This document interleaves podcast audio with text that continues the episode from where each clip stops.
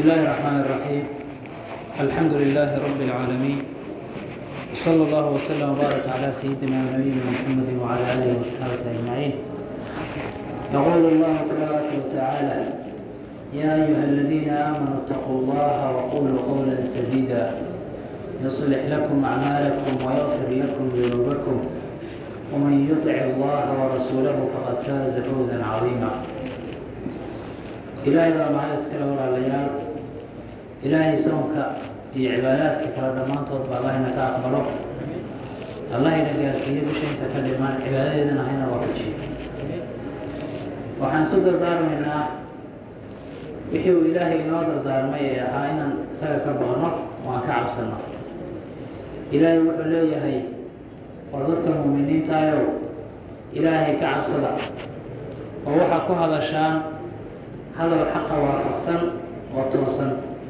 hadal uusa ilaahay idinku caroonaynin ku hadla qofkii intaa laga helo oo ilaahay ka cabsada hadal wanaagsanna ku hadla waa qof ilaahay adeecay. Waman yutic allaha warasuulahu faqad faaza fawsan cadiima. Qofkii ilaahay rasuulkiisa adeeca oo amarkooda qaato u hoggaansamana wuxuu qofkaasi liibaanay. Liibaan weyn oo aada iyo aada u weyn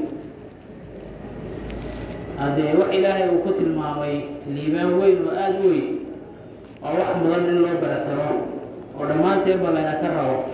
Qof walba siduu liibaantaa ku kasban lahaa inuu ka shaqeeyo. Khudbadeenna maanta waxay ku saabsan tahay oo ay ku munaasabsan tahay waktiga aynu joogno. Maalintii labaatanaad ee bishii ramadaan ayaynu joognaa waxaa inoo haray toban maalmood. Toban maalmood. Waa bishii ilaahay subxaanahu wa tacaala uli ayaaman macduudaat. Bishaa gebigeedaba waxaa lagu sheegay waa maalmo tirsan baale tiradeedii baan la soo bilownayo. Dadka in badani waxay islahaayeen maalmahan cuntada laga soomaye laga afhaysto oo cabitaankii laga afhaysto inta gudubtuu qof maalin walba tiriya. Cuntadii isagoo u baxsanaya oo cuni lahaa. Iyo wuxuu cabcabi lahaa. Kow laba saddex buu ku hayaa.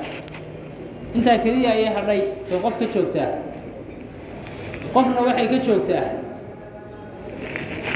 shallayto uu ka qabo in bishii ka dhammaato oo uusan hubinna inuu ayaamaha dambe gaari doono oo uu is leeyahay maalin kasta oo aada soontay allayleh adigoo xaqiisii maalintaa aan marin oo aan xaqiisii gudanin bay ku dhaaftay ayay dadna bishu ka dhammaanaysa.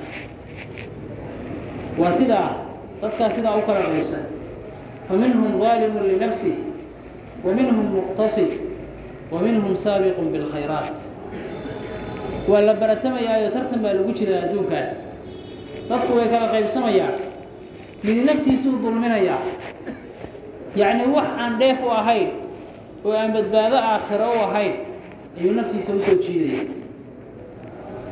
Wuu afurayaa ama inta sooma xan iyo laqwi iyo dhib iyo shiddo iyo bakti waxaasuu isku daraya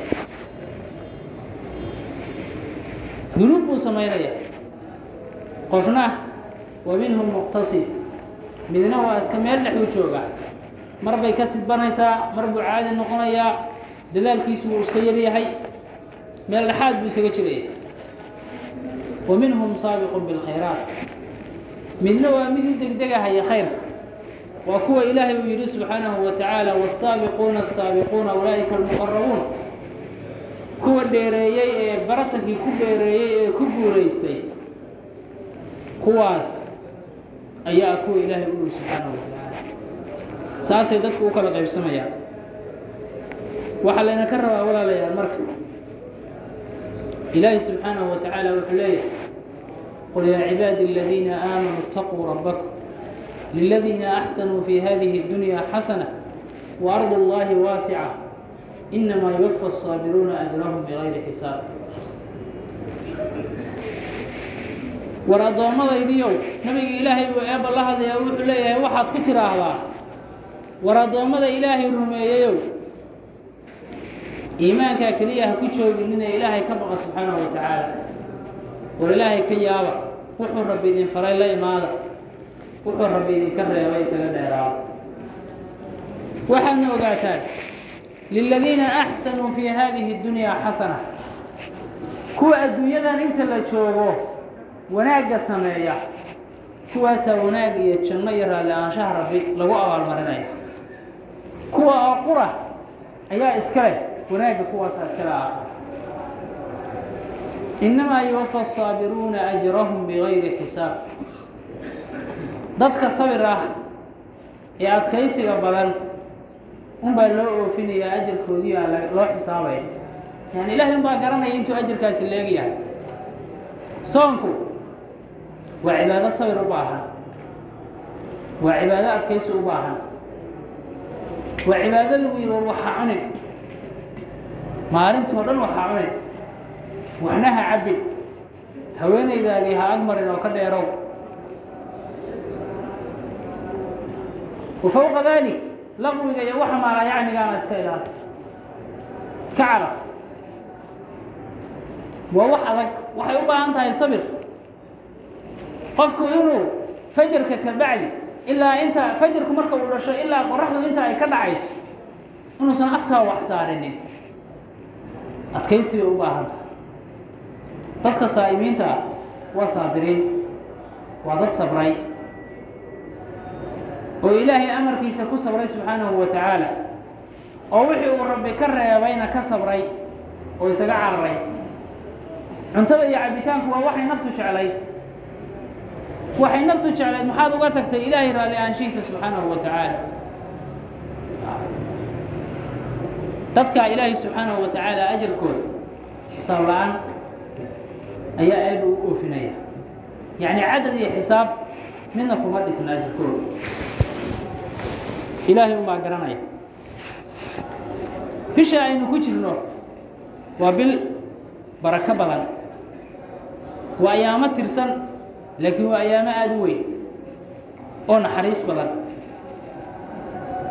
oo ilaahay subxaanahu wa tacaala khayrkeeda u isi raacraaciyey. Habeenba habeen habeen walba khayr baa kuu socda. Khayrkaasi wuu kuusii kordhaya. Ilaa la soo gaaro tobanka u dambeeya khayrku intii waa ka sii badanaya.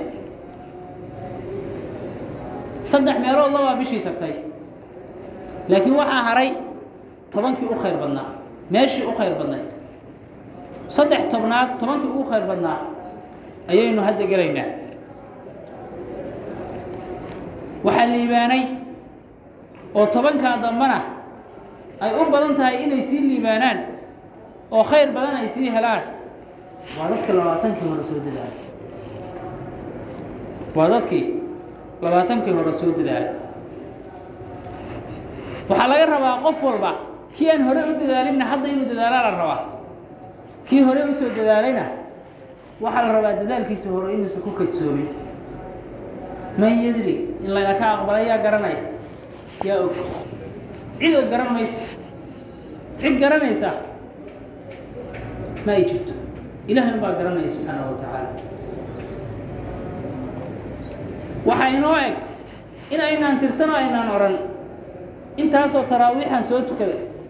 Intaasoo khidmo oo khidmo oo qur'aanaan dhameeyey. Intaasoo sadaqaa baan bixiyey. Inaynaan tirsan ee aynu nidhaahno maalintaasi camalkeedii bay la tagtay. Ilaahay baa garanaya waxa camalkaas iyo maalintaa uu ina kaga abaalmarin doono. Inuu ina ka aqbalayo in kale. Tan aynu joogno aynu ku mitidno nabigeenna calayhi salaatu wasalaam ayaa waxa la yeelayo inoo tilmaamay. Ilaahay asagaa ina yidhi laqad kaana lakum fii rasuuli illaahi uswatun xasana. Rasuulka ilaahay dayasho wanaagsan baa idinku sugan. Liman kaana yarju llaha walyowma alaakhir ilaahay ridihiisa iyo maalinta aakhiro badbaadadeeda oo qofkii ka rajo qaba rasuulka ilaahay baa dayasho ugu filan calayhi salaatu wasalaam.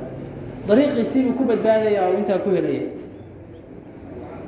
wuxuu u dadaali jiray si uusan maalmaha kale u dadaalinin caaisha radia allahu canha waxay tidhi kaana الnabiyu salى اllahu عalayhi wasalam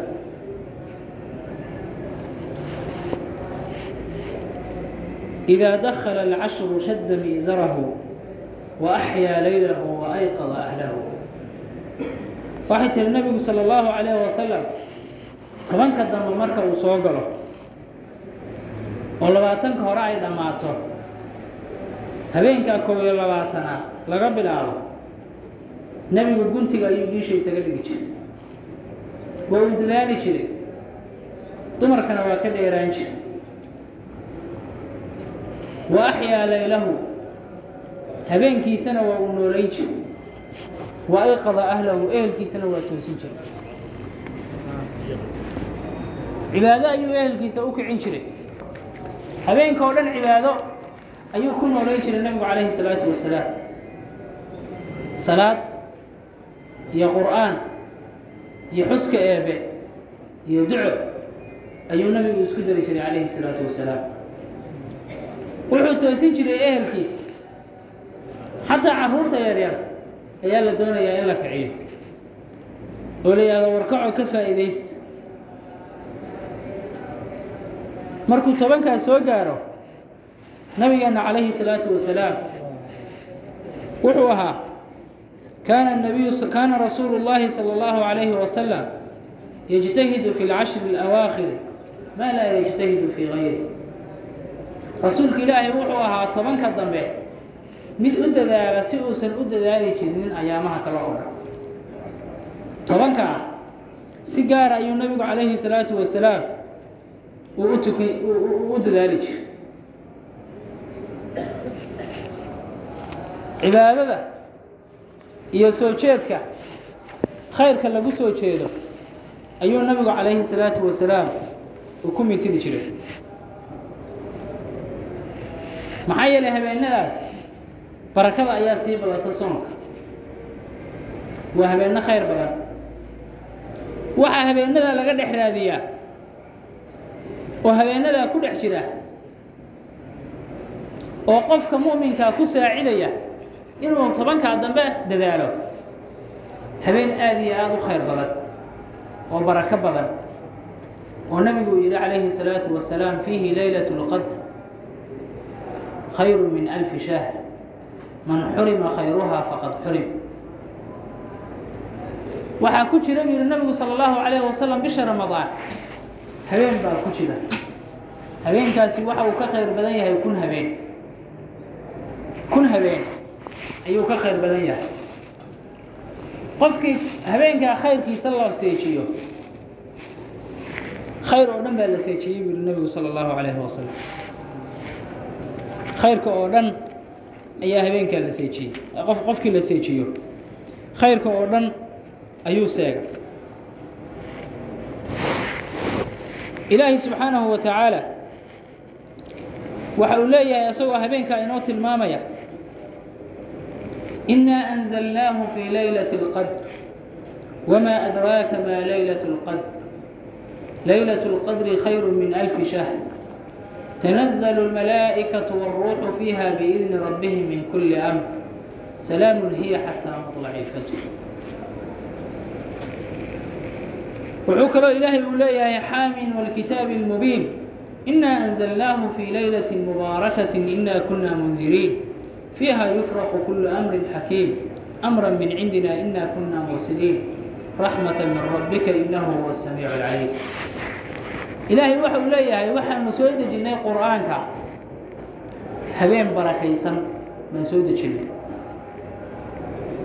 habeenkaa barakaysan eeba waxa uu ku sheegay subxaanaه wa tacaala inaa anzalnaahu fii laylati اlqadr waxaanu qur'aanka soo dejinay habeenka laylat اlqadriga waa habeen ilaahay agtiisa sharaf ku leh subxaanahu wa tacaala. Waa habeen mu'miniinta agtooda sharaf iyo cizi iyo karaamo ku leh. Eebba subxaanahu wa tacaala waxa uu ku magacaabay laylat اlqadr habeenkii sharafta iyo ciziga iyo karaamada. Habeenkii weynaa. Eebba isagoo habeenkaa weynadiisa inoo tilmaamahayaa wuxuu yidhi wamaa adraaka maa laylatu lqadr maxaad ka og habeenka laylatulqadrigu waxuu yahay. Habeen sha'nigiisu wen yahay oo cajaa'ib la weeye maxaad ka og habeenkaa khayrkiisa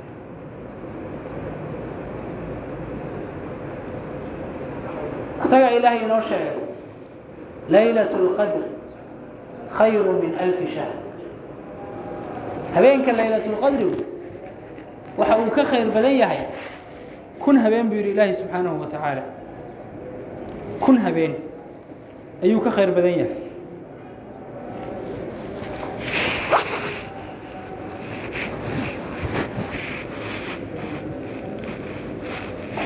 Cibaadada kun habeen samayn lahayd cibaado u dhiganta ayaa habeenkaa ajarkeeda lagugu siinahay waa habeen cumriga qofkii ka tegey cumrigii qofka ka tegey ee ka lumay ka dayacmay habeen lagu kabo wey. Waa habeen sidaa ilaahay subxaanahu wa tacaala uu ummaddiisaan ugu sharfay ummadda muxamediyada ah oo ugu karaameeyey waxyaabaha cajaa'ibta le ee habeenkaas waxaa ka mid ah nuur fara badan baa soo degay. Nuurkii qur'aanka iyo nuurkii malaa'igta iyo nuurkii malakuljibriil ayaa habeenkaa waxa weeye isugu imaanaya. Tanazalu almalaa'ikatu wاlruuxu fiiha biidni rabbihim min kulli amr. Waxaa habeenkaa soo degahaya malaa'igti. Amarka eebbay ku soo degahaya waxaa soo degahaya ruuxdii malakuljibriil ilaahay muxuu inoo sheegay qur'aanka wuxuu rabbi soo dejiyey oo adduunka loogu digahaya makhluuqa oo hanuun iyo naxariis u ah oo nuur u ah. Qad jaa'akum min allahi nuuru wa kitaabun mubiin. Ilaahay xaggiisa nuur iyo kitaab cad baa idinkaga yimid ilaahay wuxuu ku tilmaamay hudan wa raxma wa bushraa lilmuslimiin waa hanuun waa naxariis waa bishaaro intaaba yuu yahay dadka muslimiinta ee ilaahay u hoggaansamo amarkiisa qaata habeenkaas qur'aankaa la soo dejiyey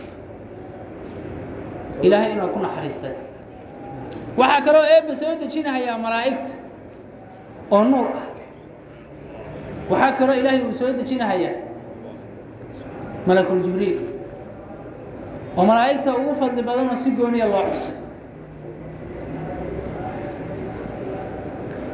alimaam ibnu rajab alxambali wuxuu leeyahay kitaabkiisa ladaa'if almacaarif waxaa la isku khilaafay buu yidhi habeenkaa laylatulqadriga xigmadda ku jirta in malaa'igtu ay soo degto. Waxaa la sheegayaa wuxuu yidhi dadka boqorrada adduunka waxaa la yaqaanaa iyo dadka madaxda ah. Xafiisyadooda iyo guryahooda uma ogolaadaan in qof soo galo ilaa la qurxiyo oo la goglo oo la xardho. Oo qofkii soo galaba indhaha uu sidaa ula raacahayo oo uu la yaabayo u is leeyahay meeshaan cajaa'ibta maxay ahayd? Marka habeenka laylatulqadriga waxaa la yidhi subxaanahu wa tacaala ayaa malaa'igta waxa uu amrayaa inay dhulka u soo daadegaan.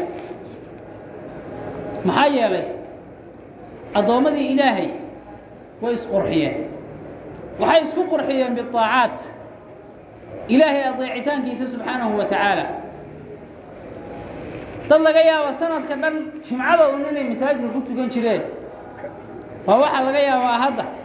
Markay ugu yar yihiin laba salaadood inay masaajidka ku tukadaan waa laga yaaba qofkii awal shanta waqti masaajidka ku tukan jiray hadda iska badaa asaga uu ka sii dadaal bata addoommadii ilaahay ayaa daacadii isku qurxiyey.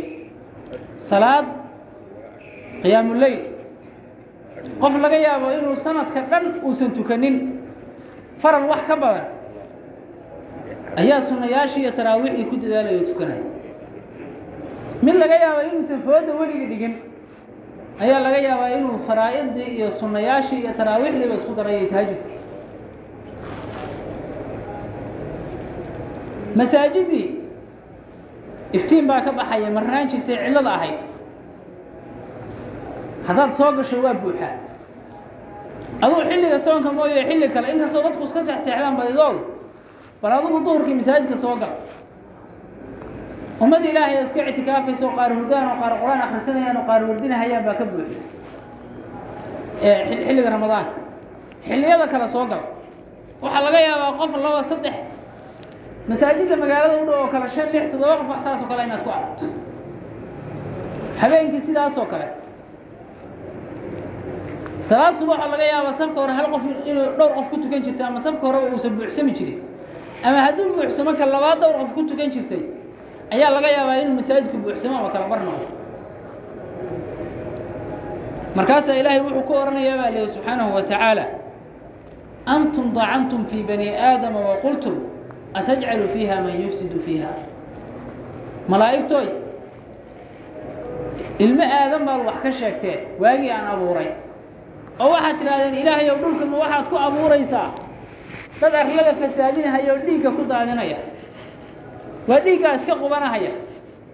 Ramadaan iyo ramadaan la'aanba aan loo joojinayn ma dad arlada fasaadiya. Ayaad ilaahayow abuuraysaa waa idinkii yidhi. Oo reer bani aadam wax ka sheegay. Anna idin idhi innii aclaw maa laa taclamuun war waxaydaan ogeyn baan ogahaye. Iska daaya aan idin idhiye ordoo bal maanta idhabuu ilayhim fii haadihi alleyla bal caawa u taga bal reer bani aadam caawa u tagoo soo booda. Waxaad arki doontaan ayagoo ah qaa'imiina saajidiina raakiciin qaar taagan oo salaad u taagan. Qaar qiyaamkii markaa ka baxay oo rukuucsan. Qaar rukuucdii ka baxay oo sujuudsan. Iyagoo intaasoo qaybood isugu jira baa u tegi doontaana bal orda hadda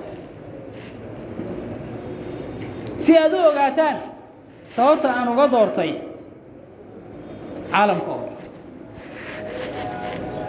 imaamu maalik wuxuu yidhi waxay soo gaartay buu yidhi in rasuulka ilaahi sala allahu calayhi wasalam la tusiyey. Ummadihii ka horreysay cumrigoodii. Intii ilaahay doonay inuu ka tusiyo. Markaasaa waxaa la yaraatay nabiga calayhi salaatu wasalaam cumriga ummaddiisaa la yaraaday waxa uu markaa nebigu ka baqa calayhi salaatu wasalaam dee ummad intaasoo sano nabiyullaahi nuux baa waxaa la yidhi intuu risaalada waday keliya qur'aanku uu sheegay falabisa fiihim khams alfan ilaa khamsiina caama. Falabisa fiihim alfa sanatin ilaa khamsiina caama. Wuxuu ku dhex nagaayoo dhex joogay oo xaqa u sheegayay kun sano oo konton dhiman sagaal boqol iyo konton sannadood waa intuu xaqa faafinayay bis cumrigiisi kaleda ilaahay baa garanaya linooma sheegi ilaahay baa garanaya waaxi baa la yaraaday baa li marka nebiga calayhi isalaatu wasalaam. Markaasaa ilaahay waxa uu siiyey habeen. Kun habeen ka khayr badan.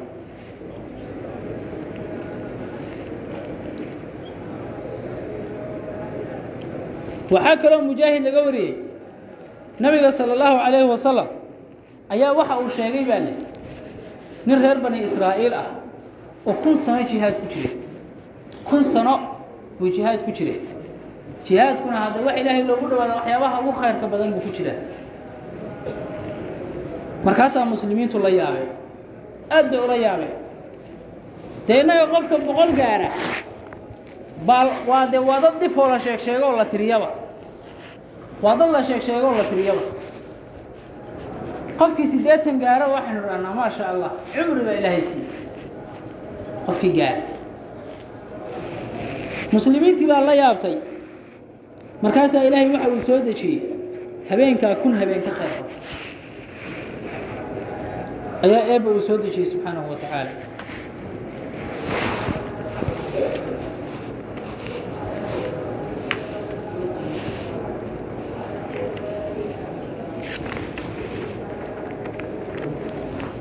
habeenkaasi waxa uu ku jiraa nabigu salى اllahu عalayه wasalam wuxuu yidhi faltamisuuha fi اlcashr اlawaakhir habeenkaas horta waa la qariya habeenka laylat اlqadr waa la qariya ilaahay unbaa subxaanahu wa tacaala og habeenka uu ku jiro waxaa la isfaray bishaasoo dhan in la dadaalo bishaasoo dhan in la dadaalo haddana nabigu calayhi الsalaatu wasalaam wuxuu yidhi haddii aad bishaad doondoonaysaan habeenkaad doondoonaysaan faltamisuuha fi lcashri alawaakhir tobanka dambe ka raaraadiyey waa haddaad bisha dhan kari weydeen inaad bishao dhan ka dhex baartaan bal tobankaa dambe yuusidin seegi haddaad tobanka dambe kari weydaan soo ma aha waltamisuuha fii kulli witr tiro kasta oo isdheer ka baara kisi ah kob iyo labaatan saddex iyo labaatan shan iyo labaatan toddobiyo labaatan sagaal iyo labaatan ama culimmadu waxay leeyihiin waxaa laga wadaa. Soddonka beri adigoo ka raadinahaya tobanka u dambeeya si gaara u sii raadi. Dadaal gooniya la labaatankii horey ku jiri ka dha adoo tobankaa ka raadinahaya tiradaa isdheera witriga ah si gooniya uga sii baarbaar ka sii raadi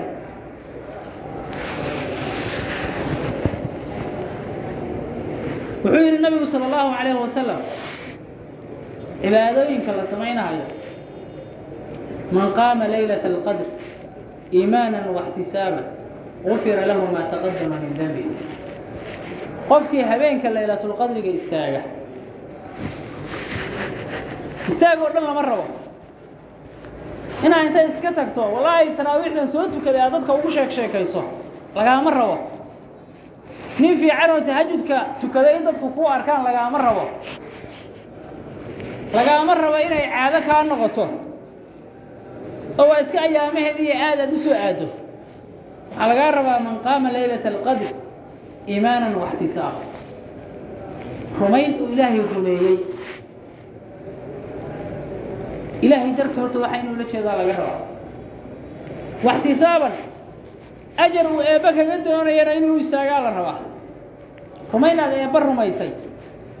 Iyo ajar aad eebbe kaga doonayso qofkii u istaaga habeenkaa laylatulqadriga sidaa u istaaga ilaahay caabuda.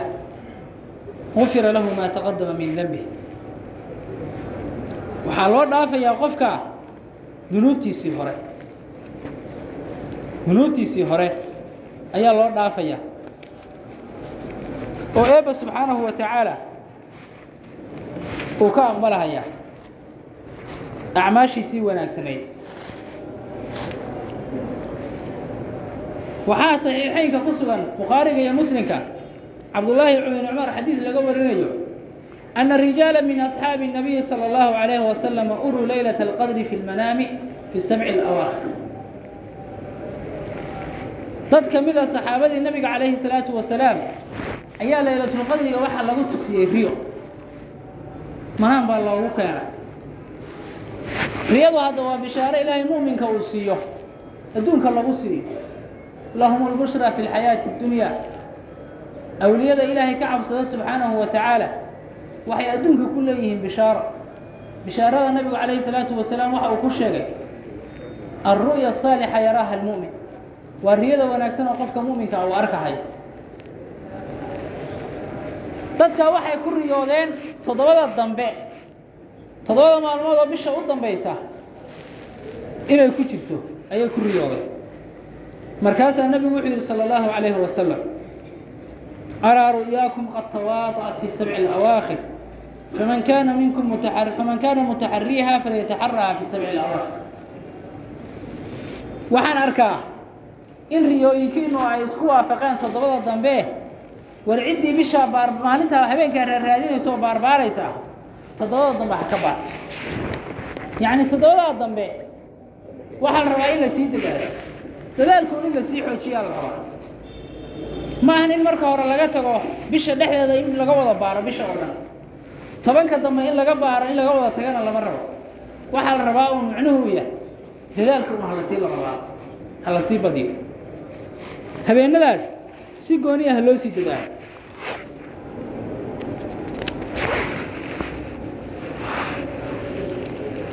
habeenkaa marka maxaa la samaynaya shaqada la qabanayo maxay tahay waxaa nabiga laga wariyey calayhi الsalaaةu wasalaam man qaama laylaة اlqadri iimaana واxtisaaban gufira lahu ma taqadama min denbi qofkii habeenkaa laylatulqadriga asagoo ilaahay rumaysan oo ajar ka doonaya istaaga oo eebba caabuda dunuubtiisii hore waa la dhaafaya qiyaamka marka waxaa laga wadaa iyo istaagga bay dhaheen culimmadu in la nooleeyo oo tahajud iyo salaad habeenkaa lagu nooleeyo caaishana wuxuu amray dinu amray nabigu calayhi salaatu wasalaam. Marka sufyaan اthawri ayaa wuxuu leeyahay adducaaءu fii tilka اleyla axabu ilaya min الصalaaة habeenkaa ilaahay inaan baryo oo aan baryada ku dadaalo ayaa waxaan ka jeclahay buu yidhi habeenka oo dhan inaan salaad u taagnaado. Salaaddii laga tegi maayo iyada laakiin habeenka oo dhan inaan salaad u taagnaado waxaan ka je waxaan ka jeclahay buu yidhi inaan ilaahay baryo subxaanahu wa wuxuu kaloo yidhi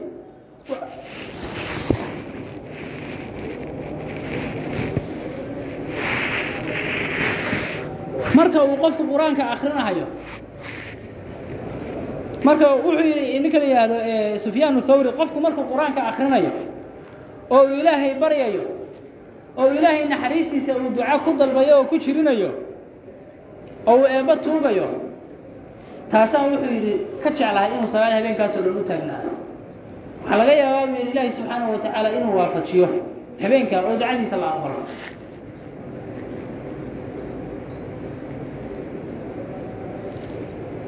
nebigu sala allahu calayhi wasalam wuxuu ahaa habeenkaa ramadaan habeenadaa ramadaanka. Salaad buu ku buu tukan jiray. Taraawiix iyo tahajud kay doontaba ha noqoto. Habeenkuu nebigu calayhi salaatu wasalaam waa uu noolayn jir salaad buu ku noolayn jiray. Wuxuu kaloo akrin jiray nebigu salى اllahu عalيه wasalam qur'aan degan buu akrin jiray. Oo si tartiib ah oo macnihiisa dhuuxaya u akriyay waratil ilqur'aana tartiila. Qur'aanka kala dhigdhig baa leh. Adoo ku tadaburaya oo macaanidiisa fiirinaya laa yamuru biaayatin fiiha raxmat ilaa sa'l walaa biaayatin fiiha cadaabun ilaa tacawad aayad naxariisi ku jirto oo naxariis iyo khayr iyo abaalmarin wanaagsan ka sheekaynaysa nabigu ma soo maraynin calayh isalaatu wasalaam. Ilaa ilaahay buu baryay aayad naxariis ka hadlaysa aayad janno ka hadlaysa. Abaalmarin wanaagsan aayad ka hadlaysa oo ilaahay buu weydiisanaya nebigu sala allahu alayh wasalam aayad cadaab iyo ciqaab ka sheekaynaysa nebigu uu soo maray calayhi salaatu wasalaam ma jirinna ilaa aayaddaa marka uu akrinaya nebigu sala allahu alayh wasalam ilaahay buu ka magangeli jiray cadaab iyo ciqaab. Markaa nebigu muxuu isu keenay calayhi salaatu wasalaam? In salaaddii uu tukado inuu qur'aankii akriyo inuu cadamada iyo weynanka ilaahay uu ku fakaro. Ilaa qur'aanka markaad ku tadaburayso macaanidiisa fiirinayso tafakurkii baa meesha imaanay. Ilaahay cadamadiisa iyo weynankiisa aad ku fakartid. Iyo duco afartaasuu nebigu isku dari jiray calayhi salaatu wasalaam waa tobanka waxaa la afartaa hawlood ayaa ugu khayr badan baa leeyi habeenada ramadaanka qofku inuusa habeenka laylatulqadrigaana si gooni bay usii fadli badan yihiin imaamu shaafici waxa uu leeyahay waxaa wanaagsan buu leeyahay oo aan jeclahay an yakuuna اجtihaaduhu fii nahaariha kaاجtihaadihi fii leyliha sida uu habeenkaa u dadaalay qofku inuu maalintana u dadaalo ayaa wanaagsan buu leeyahay saasaa ilo wanaagsan buu leeyahay Marka waxaa la rabaa in habeenka iyo maalintaba cibaadada lagu mintido oo la isku daro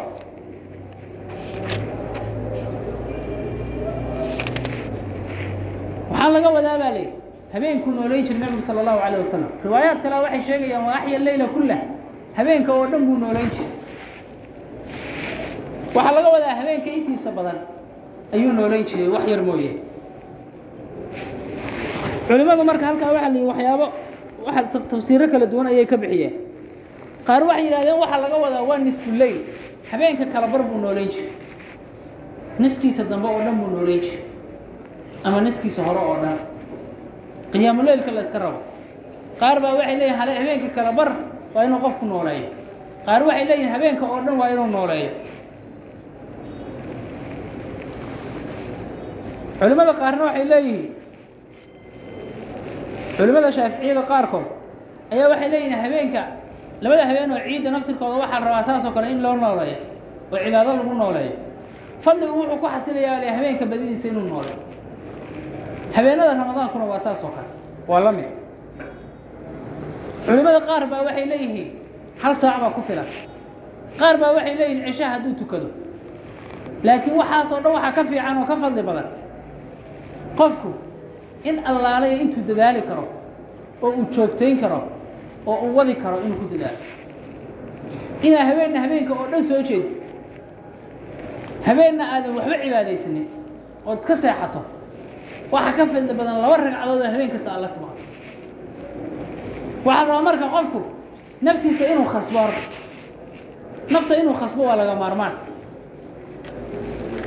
Asagoo naftiisa khasbaya haddana waxaa la rabaa waxa uu naftiisa ku khasbaya inay noqoto. Wax uusan meel dhexe kaga harinin. Meel dhexe wax uusan kaga harinin. Wax joogtaa baa la rabaa axabu alacmaali ila allahi adwamuhaa buu yihi nabigu calayhi isalaatu wasalaam. Ilaahay wax lagu cibaadaysto iyo camal la sameeyo waxa ugu jecel yahay waxa la joogteeyey taraawiixda aada tukanayso. Labaatan haddaad tukanaysid labaatankaa ku wad haddaad toban tukanaysid tobankaa ku wad. Saasay ku khayr badan tahay. Saasay ku dadaal badan tahay. Habeenka oo dhan haddaad inta soo jeedo salaadda subax aad ka seexanayso habeenka iska seexo salaadda subax jamaaco ku tuko hasaa ka fadli badan. In habeenka oo dhan salaad sunna inta u soo taagnaato salaaddii subax aad ka seexato oo cadceeddu kuu soo baxdood faral ka tagto dee dembi mooye khayr ka heli maysid ah faralka lama rabo inay sunnadu meesha ka saarto. Waxaa la rabaa faralkaaga inaad tukatid sunnadaadana aad ku kordhisato. Maxaa yeele sunnadu waa maxay? Waa kordhin. Waa siyaado qofku uu la yimid. Waa siyaado ilaahay ugu dhowaanaya subxaanahu wa tacaala laakiin faralkaa ka horreeya cibaadooyinka aadka u khayr badnaa ee nebigu uu samayn jiray calayhi salaatu wasalaam. Habeen bisha ramadaan weliba tobankaa dambe si gooniya uu nabigu calayhi salaatu wasalaam uu ugu dadaalay. Waxaa ka mid ah waxaa la yihahdaa ictikaaf. In qofku uu masaajidka ku nagaado. Qadar inuu masaajidka ku nagaado. Isagoo ula jeeda ilaahay subxaanahu wa tacaala inuu ugu dhowaana niyadiisu ay tahay. Caaisha waxaa laga wariyey radia allahu canha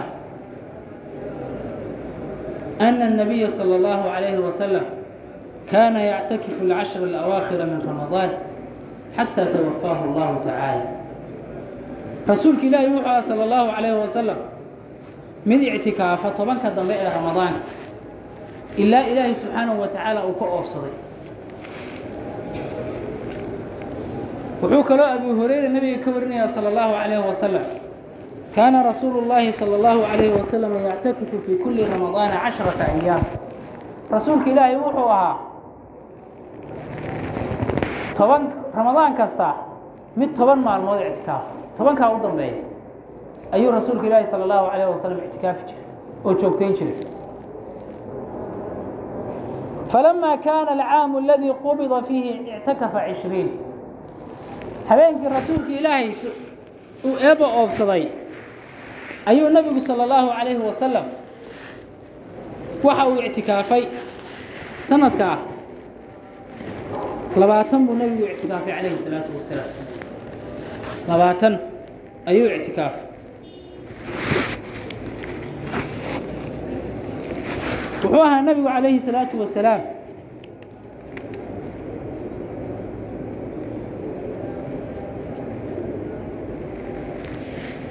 dawaa firaashahu baa riwaayaadka qaar ku soo aroortay. Nebigu sala allahu calayh wasalam gogashiisa waa uu duubi jiray. Dhinaca dhulka ma dhigi jirin tobankaa dambe ee ramadaanka u dambeeya riwaayo kale waxay sheegaysaa wactazala الnisaa haweenkiisana uma dhowaan jirin nebigu salى اllahu alayh wasalam oo laba mucaamuloo jira bal iska badaaya ah nebigu salى اllahu alayh wasalam waxaa leyihi kaana yaxtajiru xasiira yatakhallىa fiiha can الnaas falaa yukhaaliduhu dirin buu nebigu salى اllahu alayh wasalam meel gooniya dhigan jiray. Dadkana waxba kuma dersan jirin nebigu salى اllahu alيh wasalam waxba afaarahooda kuma uusan darsan jirin. Ma dheehi jirinin ma dhexgeli jirinin. Welidaa baa waxaa la yihi imaamu axmed waxa uu yidhi qofka muctakifka ah masaajidka qofka ku ictikaafsan laa yustaxabu lahu mukhaaladat الnaas looma sunneeyo oo wax fiican uma aha inuu dadka dheeho oo dadka uu dhex galo xataa wuxuu yidhi laa litacliimi cilmi wa iqraa'i qur'aani xataa cilmi uu barahayo dadka inuu dhex galo uma fiicna looma sunneeyo waa inuu meel gooniya tago halkaa waxa uusan qofna la hadlin qofna uusan wax ku darsanin qur'aanna uusan qofna u akrin qofna uusan qur'aan u akrin qofna uusan cilmi u akrin ugoonidiisa u bax markuu ictikaafayo bal اlأfضل lah الانfiraad bnafsihi والتaklي bmunaajaati rabbihi وadikrihi وaducaaءi waxaa u fiican inuu naftiisa la kali noqdo. Ilaahay la hadlitaankiisa subxaanahu wa tacaala iyo xuskiisa iyo baryadiisa uu gooni ula baxo inuu halkaa inta tago maruu qur'aan akrinayo maruu ilaahay la munaajanayo uu baryayo maruu eebbo uu xusayo maruu salaad tukanayo maruu qur'aan akhrinayo halkaasuu ka wado. Sida ayaa u fiican. Ictikaafkaas ayuu wuxuu yidhi huwa alkhilwatu الsharciya waa khilwada iyo keli noqoshada cibaado laga kali noqdo ee saxda ah. Oo masaajidda waxa ay ugu sugnaatay baa li ictikaafka ummaddan loogu jideey waa si uusan qofku markuu khalwo galo oo uu keligii noqdo uusan jumcada iyo jamaacada u seegin. Cabdullaahi ibnu cabbaas baa waaa la waxaa la weydiiyey nin maalintaasoo dhan sooman habeenka oo dhanna salaad u taagan laakiinse salaada jimcada iyo jamaacada midna aan soo xaadirin oo ka qayb galayn. Cabdullaahi ibnu cabbaas wuxuu yidhi huwa fi naar kaasi waa ahlu naar. Jumcadii oo faral ahayd qofka ka tegey haddee ahlu naar uuba noqonaya jamaacaduna waa sunno mu'akada oo ka fadli badan inaad dadka waxa weeye aad ka dhex baxdo qofka waxaa la rabaa inuu isku dhex daro inuu isku dhex daro uu dadaalo waxaa la rabaa marka walaalayaal habeenadaa habeenno khayr badan oo aada u wanaagsan oo aan la heli karin wey cumrigeenna waa uu soconayaa cumrigeenna waa uu soconayaa.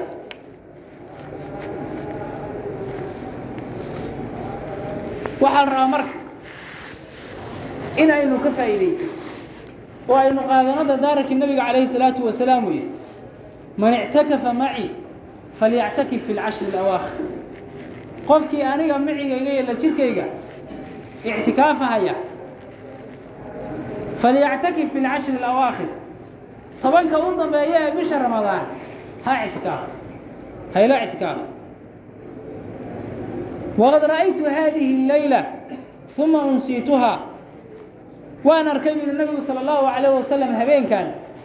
Laakiin waa la ilowsiyey riyaa la igu tusay. Habeenku habeenku yahay waa la ii sheegay. Laakiin waa la ilowsiyey binu nebigu salى اllahu عalayh wasalam waqad ra'aytu أnii asjudu fii gudwatiha fii maaءi waطiini waxaan arkay buu yihi subaxdeedii oo aan xusuusanahay inaan ku tukaday buu yihi nabigu salى اllahu alayh wasalam biyo iyo dhoobo yacni roob baa subaxdaa da-ay subaxdaa roob baa da-ay faltamisuuha fi lcashri اlawaakhir haddaba tobanka dambe ka raadiye waltamisuuha fii kulli witrin tobankaa dambe witriga ka sii dhex raadiyo nabig sal sl witri kas witri kasta oo bisha ku jira ka sii dhex baara oo ka sii raadiye.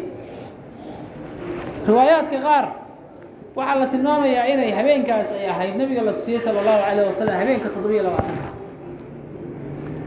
salafu saalix dad baa waxayba ku dhaaran jireenba habeenkaa toddobiyo labaatanku inuu yahay habeenka laylatulqadriga waa habeen la rabaa asaga si gooniya in habeenkaa loo ogaado. Laakiin waxaa la rabaa inuusan qofku odhanin war toddoba-iyo labaatankan u dibdhiganahayaaye halkaasaan ka dhex baaraya. Ilaahay baa garanaya meesha ay ku jirto. Waxaa la tilmaamayaa waa xilliyada loogu rajada badan yahay. Waa xilliyada loogu naawilaad fiican yahay. Waa xilliyadaas. Laakiin waktiga rasmiga ee go-an ilaahay baa garanaya subxaanahu wa tacaala waa habeen gebigiisuba liibaan iyo khayr oo ilaahay uu ku sheegay salaamun hiya xataa maطlaci fajr waa habeen nabadgelyo ah ilaa waa berig laga gaara fajarku ilaa uu ka soo baxo waa habeen la badbaadayo oo nabadgelyo ah waa habeen sidaa u khayr badan. Walaalayaal waxaa laydinka doonayaa inaynu cibaadadeenna sii laba jibaarno sidaa nabigu sala allahu calayh wasalam ficilkiisi ugu dambeeyey muxuu ahaa siduu tobanka u soo u ictikaafi jiray hore ayuu nabigu sala allahu calayh wasalam wuxuu ictikaafkiisii labaatan ka dhigay sanadka u dambeeyey. Ilaahay baa garanaya inuu sanadada damba soddon uu gaarsiin lahaa soddonka habeenba uu gaarsiin lahaa. Ilaahay baa garanaya laakiin innaga waxaa inoo ego lainoo tilmaamaya nabigu sala allahu calayh wasalam inoo sheegay inaynu ku dadaalno cibaadadeena waxaa la rabaa qofka mu'minka ah inuu korriimo cibaadadiisa ku jirto.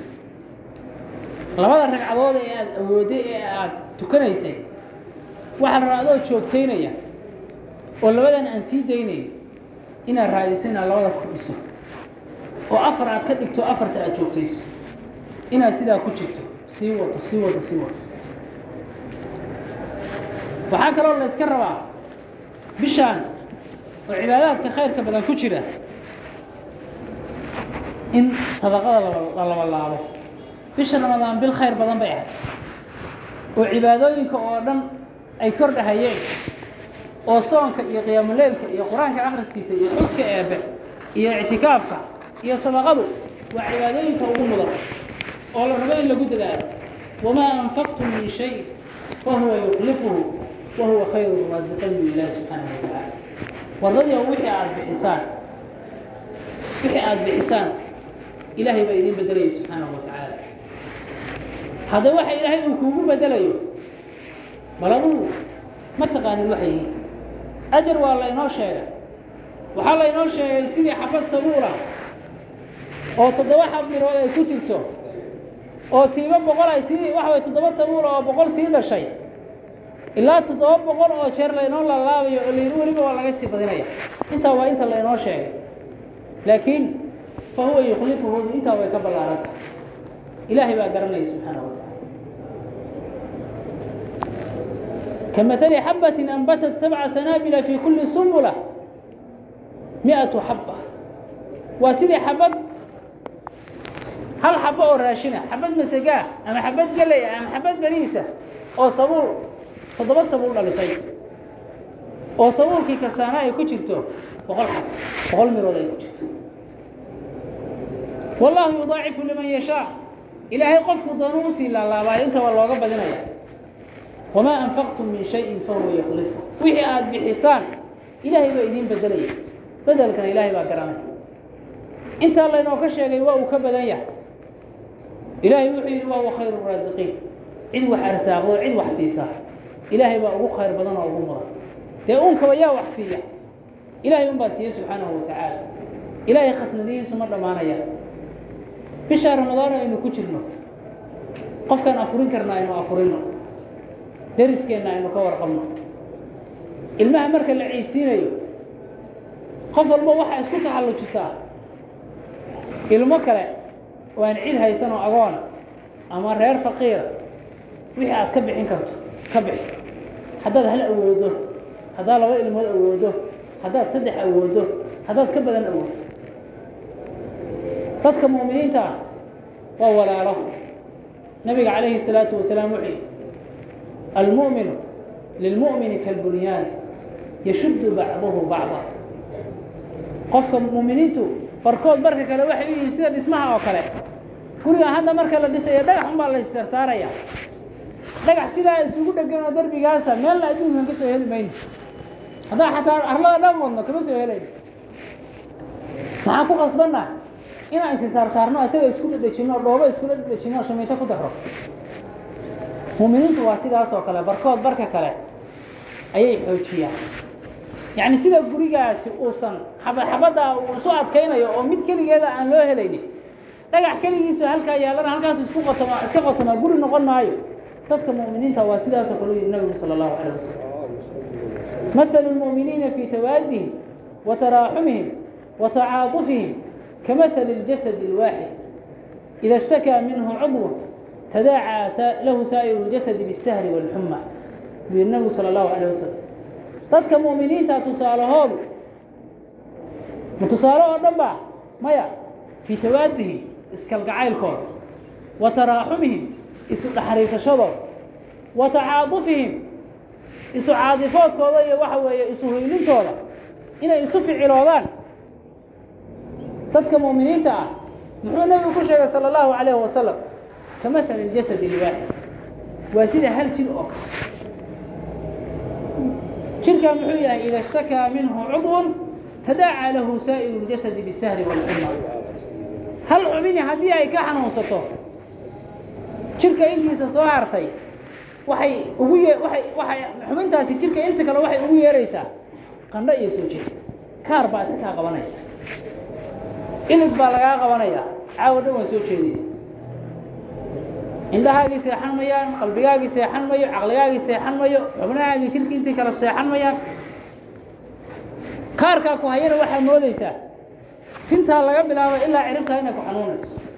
Iligaa umaana ku xanuunayso. Halkaa wadnaha waa lagu soo dhufanaya. Dadka mu'miniinta waa sidaas oo kale. Waa in la isu damqado waa in la isu damqado waa in la isu diirnaxo. Oo la isu turo. Oo la isu naxariisto. Laakiin qofkeen hadduu markuu dhargo uu iska socdo oo uusan walaalkii dhugan oo uusan soo fiirinin iimaankeennu muxuu noqonaya? Iimaankeennu muxuu noqonaya? Ilaahay uu yidhi innama almu'minuuna ikhwa. Dadka mu'miniinta waa walaalo. Wax kale maaha mu'miniintu waa walaalo. Walaaltinimadeenna xaggee aadaysa. Qofkeenneeba awoodo maanta walaalkii iyo qoyskiisa oo dabku ka baktiyey oo gaajo meel la daadsan oo dhar la'aani hayso. Inuu inta dhargo iska seexdo iska labiso carruurtiisa u labiso soo damaashaadsiiyo carro soo maraya qof damiirle ma ka suuroobaysaa qof iimaankiisu uu qoyan yahay ma ka suuroobaysa? Kama suuroobayso? Walaalaheenna mu'miniintaa sidaasay inoo yihiin. Wixii aynu kari karno aynu karro ilaahay baa baahida dabooli kara subxaanahu wa tacaala. Laakiin adduunkan waa la ysku imtixaamaya. Waayo ilaahay subxaanahu wa tacaala warafacnaa bacdakum fowqa bacdi darajaat liyatakida bacdukum bacdan sukriya buu ilaahi subxaanahu wa tacaala. Qaarkiin qaarka kale baanu heerar ka sara marayna.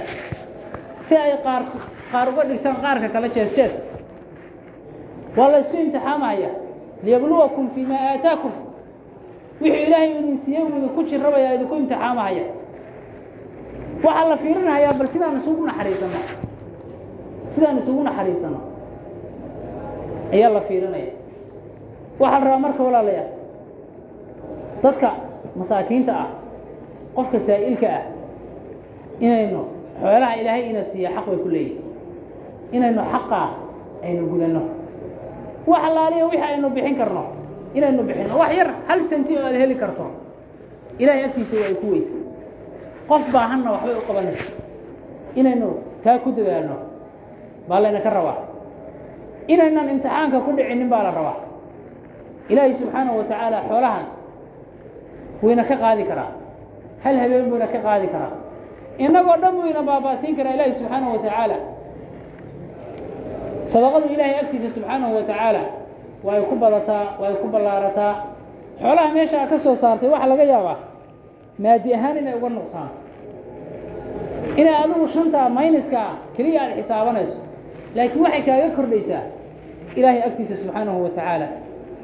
Waxaa kalooda helaysaa malag baa wuxuu ugu ducaynayaa waa beri kasta. Allaahuma acdi munfiqan khalafa wa mumsikan talafa. Ilaahay oo qofkii wax bixiyana bedel sii kii ku dhego oo ku fara adeygoo dhabcaal noqdana ilaahayow ka baabi'iyo naka waxaa laga yaabaa xataa haddaan xoolaha laga baabi'inin. Isagoo xoolihiisa haysta inuu gaajo u baxo oo kartidii uu ku cuni lahaaba xoolihiisa uu ku nabacsan lahaaba uu waayo oo hadhowna laga daweeyo dhaktar looga